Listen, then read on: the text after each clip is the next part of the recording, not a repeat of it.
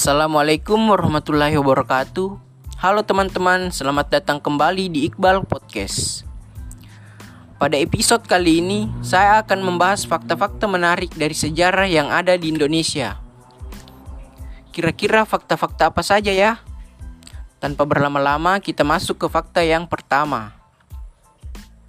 Koran pertama yang terbit dan yang diberedel di Indonesia adalah koran yang sama, Gubernur Jenderal Hindia Belanda Jan Pieterszoon Koen memerintahkan anak buahnya untuk membuat lembaran berita internal yang berisi informasi mengenai kedatangan dan keberangkatan kapal-kapal niaga. Lembaran berita tersebut ditulis tangan sebanyak empat halaman dan diberi nama Memory der Novelles. Ini merupakan cikal bakal koran Bataviase Novelles yang diterbitkan pertama kali pada 7 Agustus 1744 setelah masuknya mesin cetak ke Hindia Timur. Bataviase Novelles merupakan koran pertama yang diterbitkan di Batavia maupun Indonesia.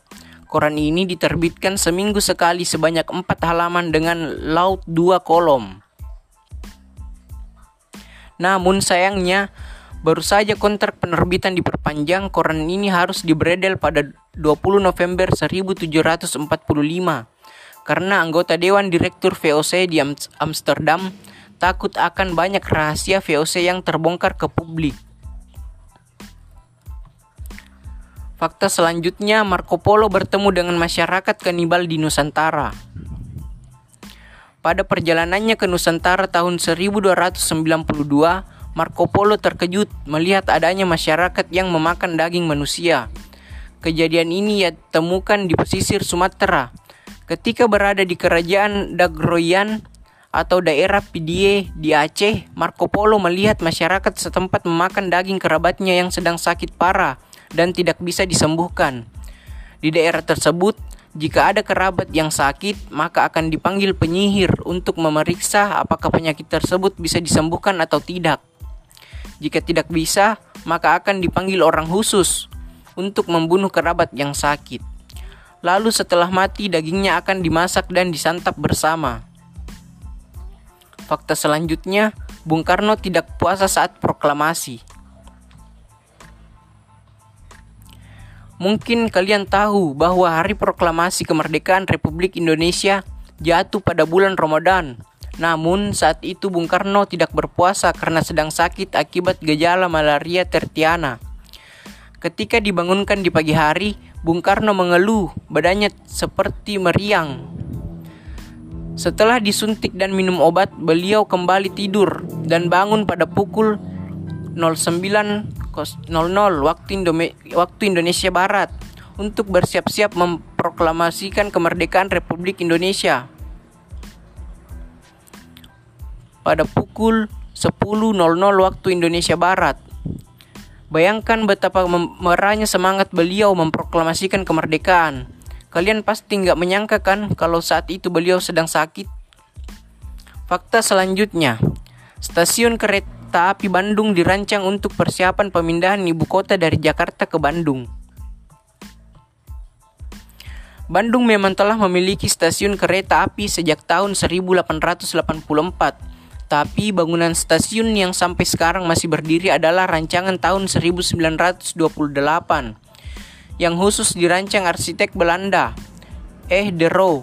Karena niat Belanda memindahkan ibu kota Hindia Belanda dari Jakarta ke Bandung saat itu, pihak Belanda telah merencanakan pembangunan 14 kantor dan perumahan bagi 1.500 pegawainya. Niat ini tak sempat terpenuhi karena pada tahun 1930-an Belanda mengalami krisis ekonomi. Kondisi keuangannya juga makin terpuruk karena okupasi Nazi Jerman di masa Perang Dunia Kedua.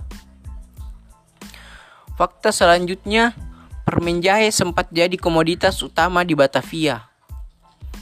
Indonesia memang dikenal bangsa barat sebagai wilayah penghasil rempah-rempah dengan kualitas sangat baik seperti lada dan jahe. Siapa sangka bahwa rempah-rempah tersebut tumbuh dengan baik dan subur di daratan Batavia yang sekarang menjadi Jakarta.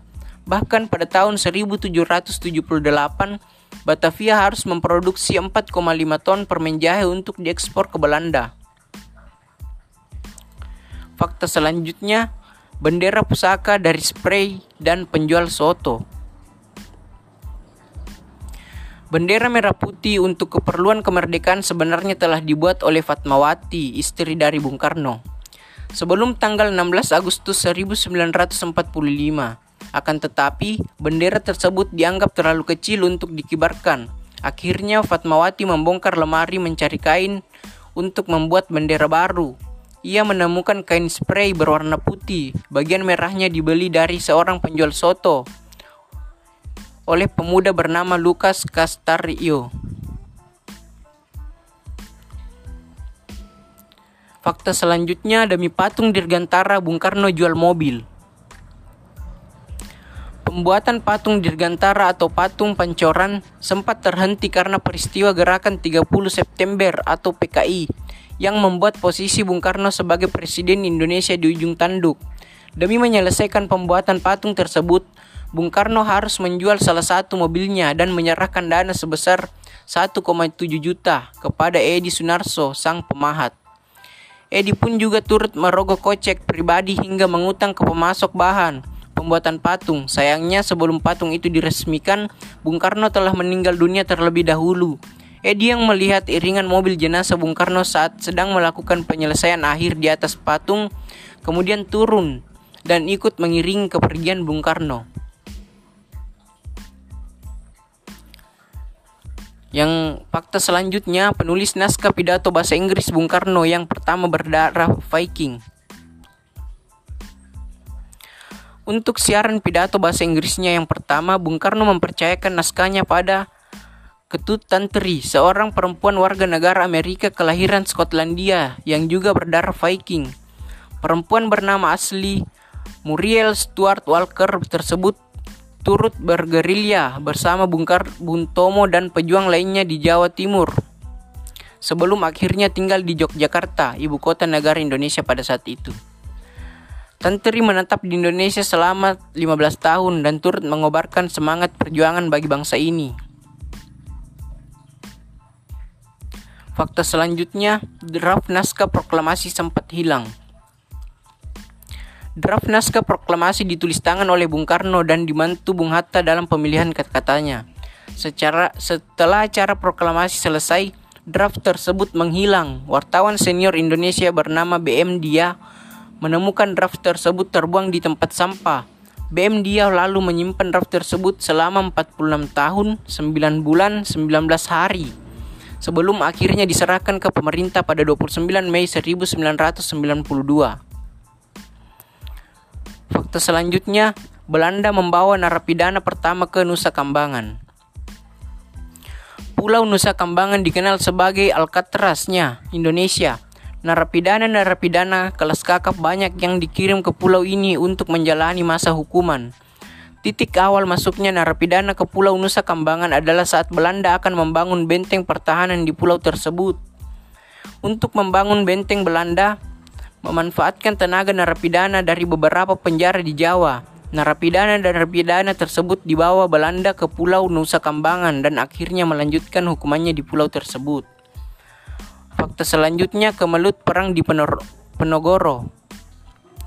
Pemberontakan yang dipimpin oleh Pangeran di Penogoro ternyata sudah direncanakan sebelumnya. Sejak terjadi de de degradasi moral di dalam keraton karena pengaruh Belanda. Selain itu, menurut sebuah naskah berbahasa Jawa di Keraton Yogyakarta, terlihat adanya keterlibatan Keraton Yogyakarta dalam penjebakan Pangeran di Penogoro di Magelang dengan menyelundupkan Raden Adipati Abdullah, saudara ipar dari Pangeran Diponegoro, sekaligus pati yang saat itu menjabat. Fakta selanjutnya Indonesia pernah masuk Piala Dunia. Ternyata pada tahun 1938 Indonesia pernah masuk dalam jajaran tim yang bertanding di Piala Dunia dengan nama Hindia Belanda Tim Hindia Belanda merupakan tim Asia pertama yang tampil di Piala Dunia 1938. Koran, Peran Koran Perancis edisi 6 Juni 1938 memberitakan bahwa gaya menggiring bola tim Hindia Belanda sangat brilian, tetapi tidak cukup baik untuk pertahanan. Terlibatnya tim Hindia Belanda di Piala Dunia 1938 bukan dengan dukungan PSSI, melainkan dukungan dari Belanda. Organisasi sepak bola pemerintah kolonial Belanda, kapten dari tim Hindia Belanda ini adalah seorang dokter.